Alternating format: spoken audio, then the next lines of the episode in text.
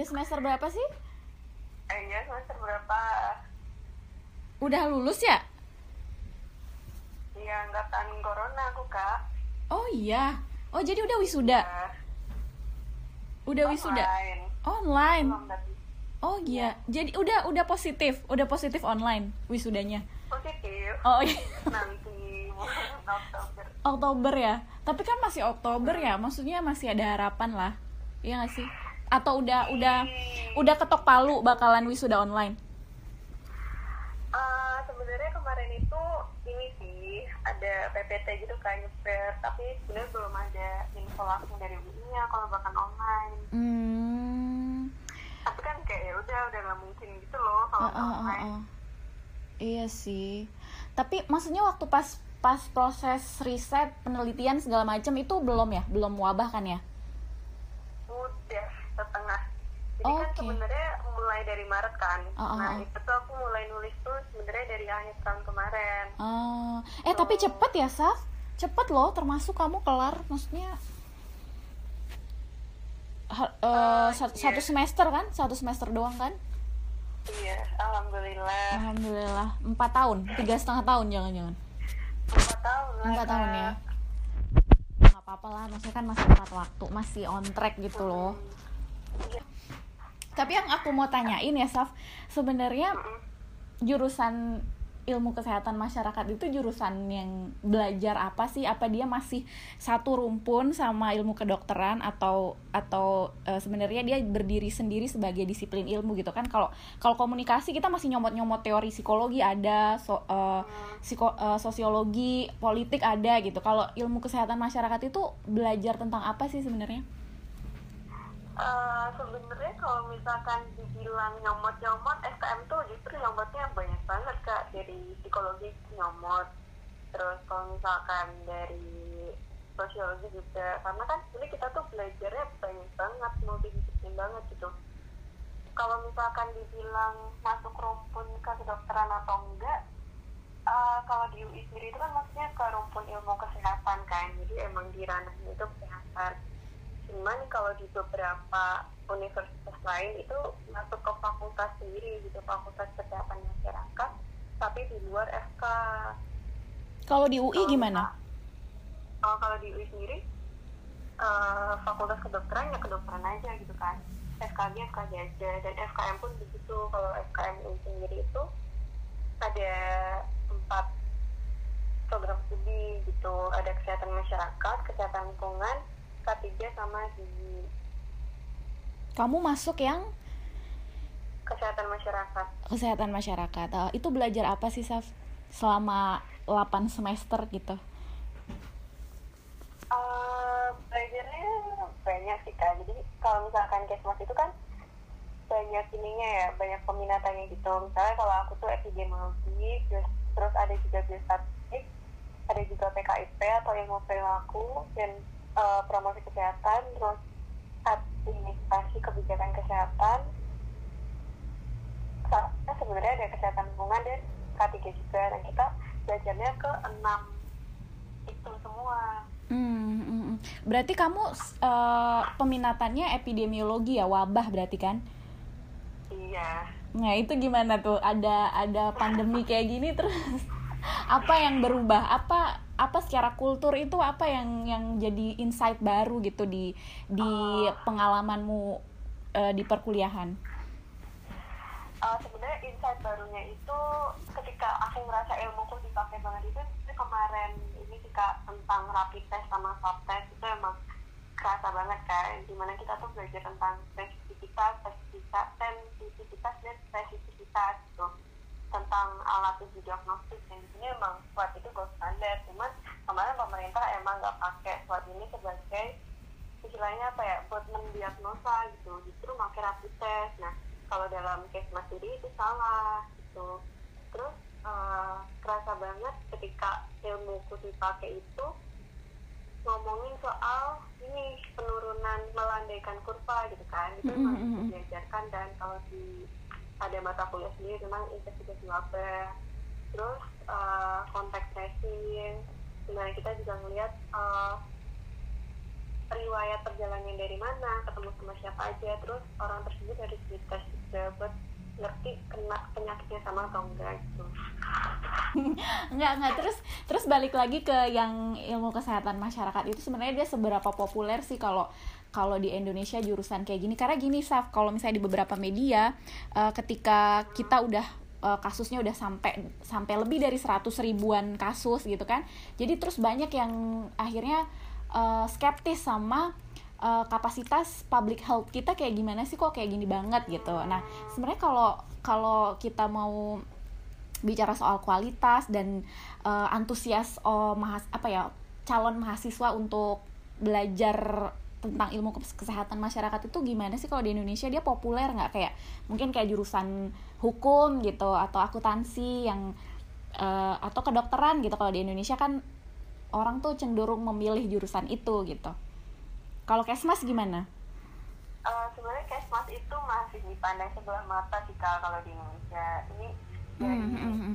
sudut pandangku sendiri sih sebenarnya. Karena emang di Indonesia tuh kan mahasiswa lebih cenderung pengennya ke kedokteran okay. atau pengennya ke farmasi gitu kan di mana uh, uh, uh. sebenarnya di bidang selain desmas ini kesehatan itu fokusnya pada kuratif atau pengobatan itu sendiri sedangkan di pencegahan memang masih sedikit sekali yang pengen pergi sana hmm, yang preventif dan promotif gitu masih kurang iya. ya iya hmm oke okay.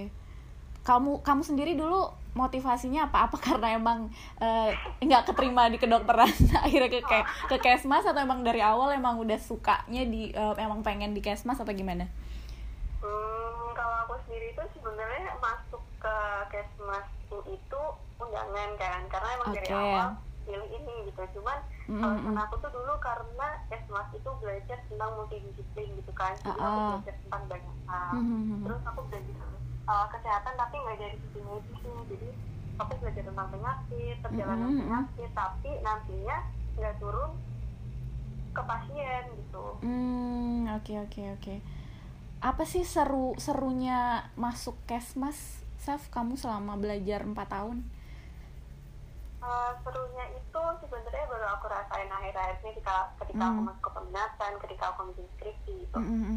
Serunya itu adalah karena kita tuh bisa ngelihat masalah di masyarakat pakai teknik-teknik tertentu gitu mm-hmm. karena di teknik epidemiologi itu kita uh, disuruh peka terhadap masalah misalnya mm-hmm. ada masalah tentang diabetes mellitus gitu nah yeah. kita tuh sebenarnya uh, disuruh peka nih kelompok mana sih sebenarnya yang harus rentan buat kena diabetes gitu. Mm-hmm. Nah ternyata di ilmu epidemiologi itu kan kelihatan kalau misalkan masyarakat perkotaan itu jauh lebih rentan daripada pedesaan kenapa mm -hmm. sih di perkotaan oh mm -hmm. karena gaya hidup mereka yang berbeda di pedesaan begitu pula misalnya antara laki-laki dan perempuan gitu mm -hmm. ternyata perempuan tuh sekarang lebih rentan terkena diabetes di atas usia uh, 60 tahun gitu karena mm -hmm. emang perempuan itu kan uh, cenderung untuk obesitas setelah mereka men menopause gitu mm -hmm. itu sih kan serunya uh, kamu skripsinya tentang apa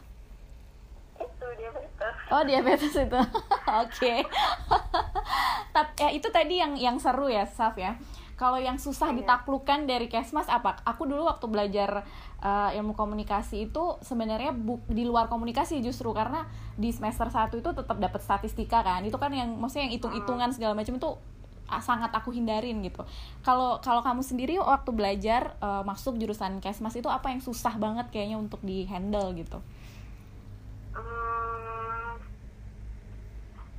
Susah banget itu dulu uh, ini kan pandangan orang tentang statistika gitu mm, tapi mm. setelah aku pelajarin justru aku cuma ingetnya statistika statistika gitu sih kak mm. awalnya emang susah kan iya emang, kan kenapa oh. sih apa gitu kan cuman setelah tahu di semester akhir tuh itu statistika ini memunculkan oh ternyata bisa melihat perbedaan antara masalah A sama masalah B gitu jadi kalau misalkan dibilang yang susah statistika itu susah cuman endingnya menyenangkan buat dipelajari gitu mm-hmm. ya walaupun emang aku nggak minta di sana sih kak mm-hmm. terus nanti ini kan kamu udah udah tinggal nunggu wisuda gitu ya uh, mm-hmm. kalau misalkan kita mau ngomongin soal peluang kerja dari jurusan ini tuh uh, lebih kansnya lebih besar masuk ke bidang apa sih kerjanya?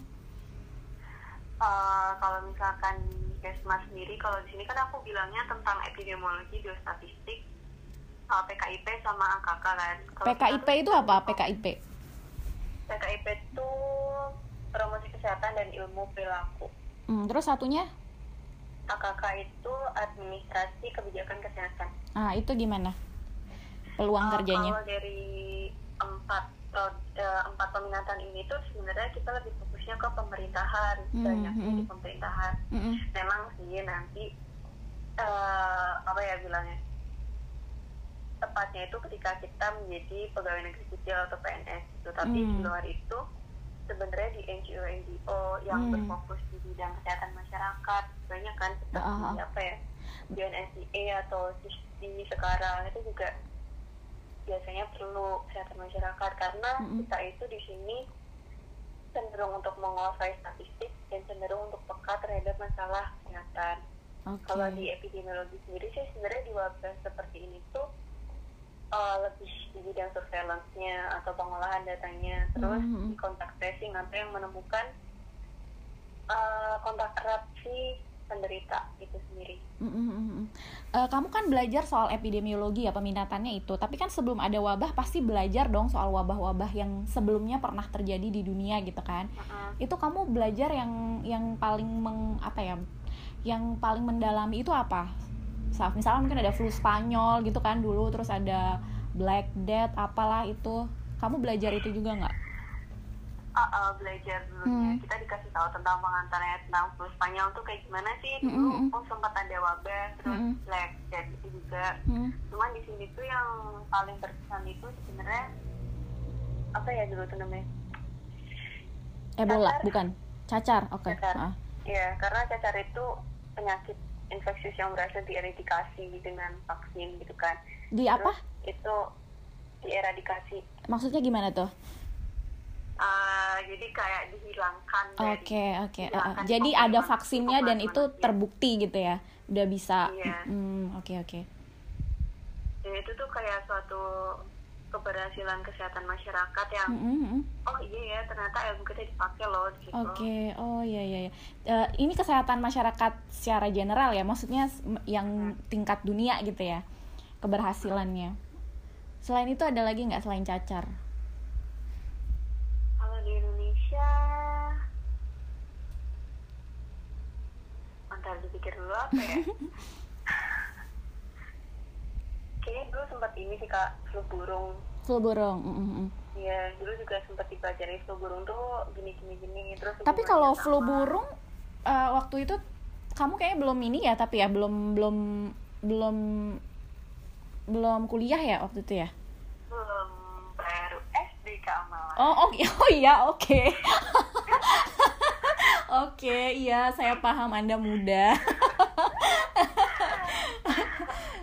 Iya terus habis itu flu burung. Tapi kalau flu burung kemarin itu kita kayaknya nggak terlalu semenderita ini ya, iya nggak sih kayak nggak iya ini. Sih. Kayaknya cuma uh, dikit juga yang kena. Cuman ini doang pemusnahan apa namanya hewan. Unggas ya. Hmm. hmm.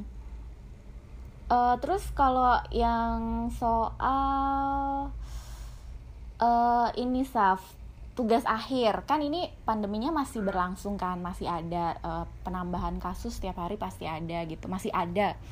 Uh, itu kamu kamu kalau kamu kan udah kelar ya penelitiannya. Nah di angkatan bawahmu mungkin itu ada nggak sih kamu dapat dapat cerita yang kemudian mengambil tema ini sebagai bahan riset mereka untuk tugas akhir? Dan kalau kalau ada seandainya ada gitu yang kamu uh, dapat cerita itu dia ngambil di ranah apanya untuk pandemi corona ini? Uh, sebenarnya temanku tuh kemarin ada yang ngambil COVID mm -hmm. ini, mm -hmm. Jadi dia itu ngambil seangkatan ya? Iya. Mm -hmm.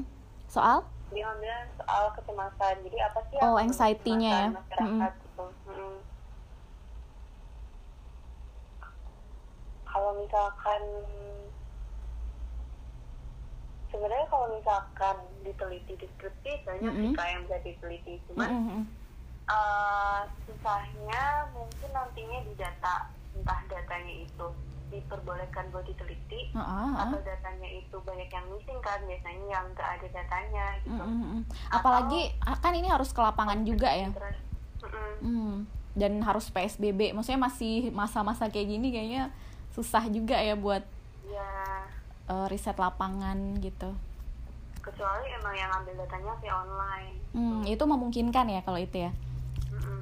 Misalkan apa Saf kalau yang bisa diakses secara online buat bahan penelitian gitu?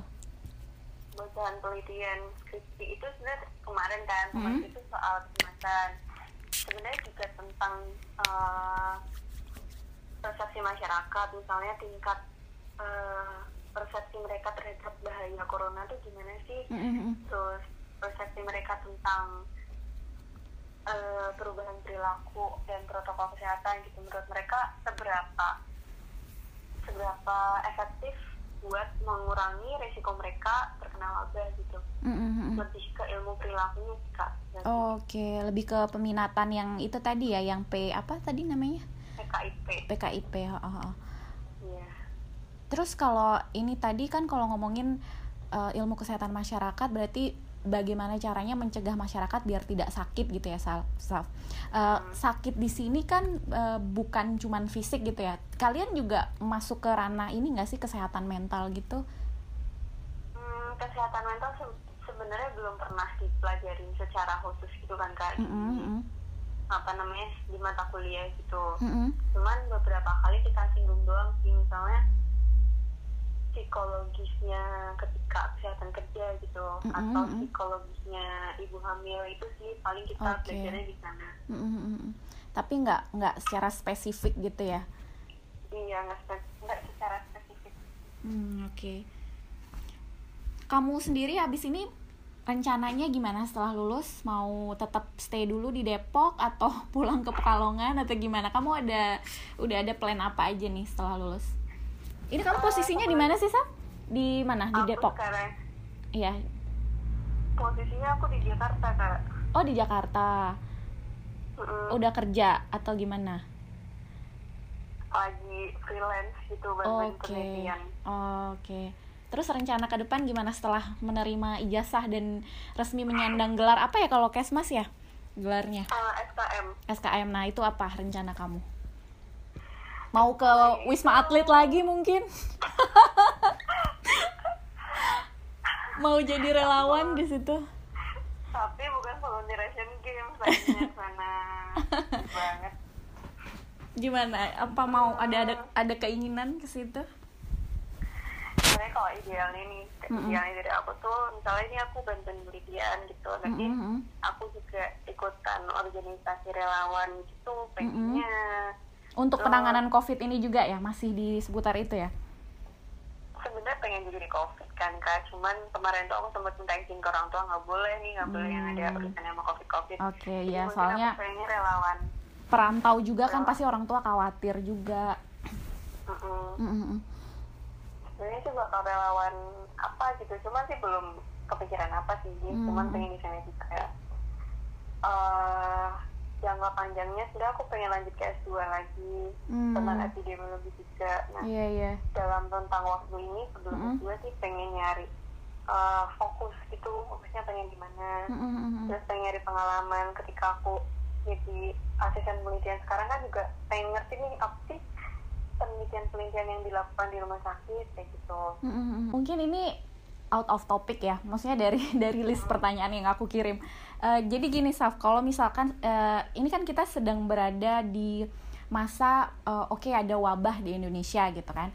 Nah eh, kan sebenarnya banyak kan yang yang kemudian menangani ini semua ya dari pihak pemerintah, peneliti, eh, ilmuwan, peneliti segala macam, terus juga yang menemukan vaksin, eh, obatnya segala macam gitu. Terus pakar lah. Sebenarnya posisi eh, kalau misalnya mau dibilang pakar ahli eh pakar atau ahli kesehatan masyarakat itu posisinya ada di mana sih Saf?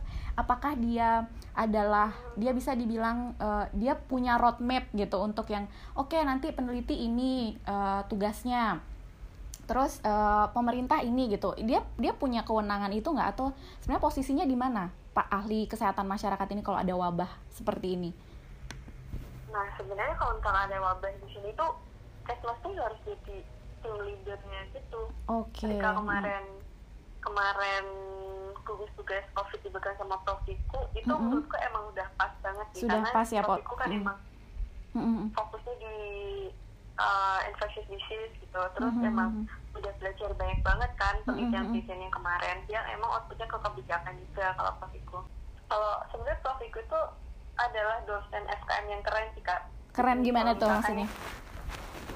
Selainnya itu dia tuh punya idealisme gitu. Hmm, jadi dia tuh hmm. pengennya kesehatan masyarakat Indonesia tuh mau dibawa ke mana sih gitu. Hmm, hmm, karena beliau juga ngerasa kok anak esmas direndahkan kok anak esmas Oke. dipandang sebelah mata di kedokteran gitu. Oh, oh, kalian oh. harus gini gini gini gini gini gitu ngelihat kesehatan tuh nggak cuma dari sini tapi Hmm. kalian harus melihat dari perencanaan Hmm, penelitian pengembangan gitu gitu Visioner banget lah ya orangnya ya. nah iya visioner banget dan Hmm. kalau misalkan ngajar dia nggak mau yang biasa aja Hmm. selalu beda banget Mm-mm. makanya nyari nilainya susah sama beliau Hmm. Terkungkung langkah ragu tak ke mana-mana Dari Rabu hingga Rabu lagi. Ini mungkin udah sering diulang-ulang ya, tapi kasih pesan dong untuk masyarakat umum gimana caranya eh, biar bisa berkontribusi untuk menurunkan resiko terinfeksi penyakit ini biar wabah ini segera berakhir di Indonesia. Hmm, sebenarnya kuncinya itu cuman hindari agen penyakit gitu. Gimana sih cara hindari agen penyakitnya? Yang pertama hindari kerumunan. Yang kedua pakai masker yang ketiga ya di rumah aja kalau misalkan emang nggak ada apa-apa Hmm. terus jangan lupa juga jaga kebersihan Mhm. jaga higienitas tangan Mhm. dan jangan remehin kalau misalkan covid ini tuh penyakit yang gampang gitu karena nyatanya udah banyak banget yang gugur gara-gara covid ini Mhm. Eh, kamu ada komentar nggak untuk orang-orang yang mungkin eh, ada beberapa yang percaya teori konspirasi gitu. Karena kan juga sempat rame ya. Karena eh, dibilang katanya covid tidak sebahaya itu kok tidak semengerikan itu. Kayak gitu tuh kamu ada komentar nggak? Maksudnya untuk orang yang benar-benar belajar mendalami eh, soal epi- epidemiologi apalagi ini kan virus baru ya.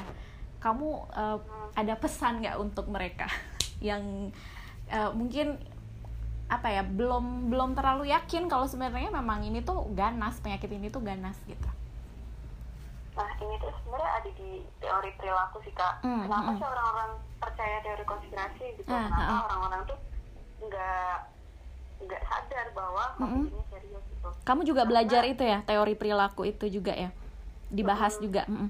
itu gimana Dulu pernah dibahas, jadi ketika masyarakat Mm-mm. masyarakat itu nggak percaya kayak gini nih, karena Mm-mm. mereka itu yang pertama pengetahuannya kurang terhadap uh, COVID ini gitu. Mm-mm. mereka uh, cenderung merasa kalau misalkan mereka kebal terhadap COVID atau memang mereka belum pernah mengalami COVID itu sendiri. Mm. Yang kedua, mereka merasa kalau misalkan uh, COVID ini nggak berbahaya loh gitu, Mhm. karena memang mungkin media tuh terlalu menyuarakan kalau misalkan CFR atau fatality rate dari COVID ini rendah kan, ah, cuma berapa persen gitu. iya lebih tinggi flu burung kan Mm-mm, Hmm. lebih tinggi flu burung, jadi nganggapnya kayak ah udahlah kayak flu biasa gitu. Mm, mm, Eh, yang kedua itu karena apa ya circle atau lingkungan mereka itu cenderung nggak mendukung mm, adanya covid ini gitu mm, mm.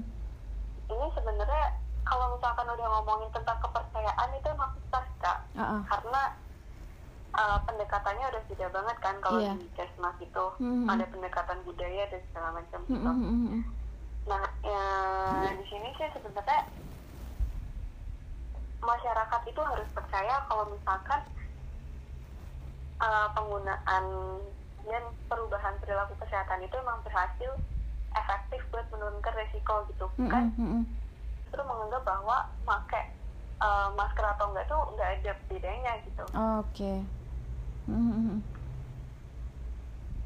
tapi Terus kamu karena gimana Uh-uh. gimana yang terakhir sih sebenarnya cuman uh, fasilitas tempat umum sih Kak. jadi Mhm, ketika mhm. di tempat umum itu uh, masyarakat tuh ngeliat oh banyak yang makan masker oh banyak sekarang banyak tempat cuci tangan gitu itu Mm, mm, akan membuat mereka sadar kalau misalkan oh iya aku juga harus pakai masker atau aku juga harus cuci tangan gitu Mm, terus? Jadi nggak nyambung ya kak? Gitu, nggak apa-apa nanti nanti diedit gampang lah. Kan juga ada yang off, off the record juga kan soalnya. Tapi Hmm. selama eh, mungkin orang-orang yang kenal kamu teman deket kamu saudara keluarga gitu eh, setelah ada wabah ini apa pertanyaan-pertanyaan yang sering mereka tanyakan ke kamu gitu? Sebagai seorang mahasiswa kesmas gitu kan mungkin dianggap Hmm. paham tentang apa ini harus gimana? Atau mungkin ada yang nanya soal kapan wabah ini bisa berakhir kayak gitu. Ada nggak sih yang kayak gitu? Itu sih kak balik kan pertanyaan yang terakhir gitu. Hmm. Eh, kapan sih wabahnya berakhir? Katanya mahasiswa kesmas terus bisa dong memprediksi kapan selesai Hmm, gitu. Hmm, atau bahkan aku tuh dituntut buat mahasiswa kesmas kok nggak bikin vaksin gitu padahal kan yang bikin vaksin bukan mahasiswa kesmasnya gitu kan Oke, oke ada yang nanya juga ya soal vaksin ya. Hmm. Oke, terus terus Hmm, jawaban kamu kayak gimana? jawabannya sih palingan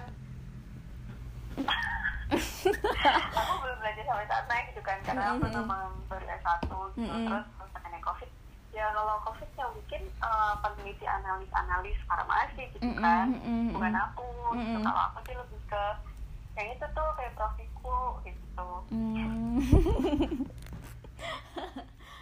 iya iya bila ini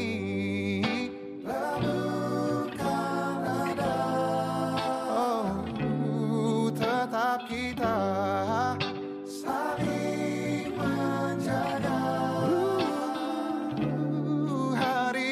my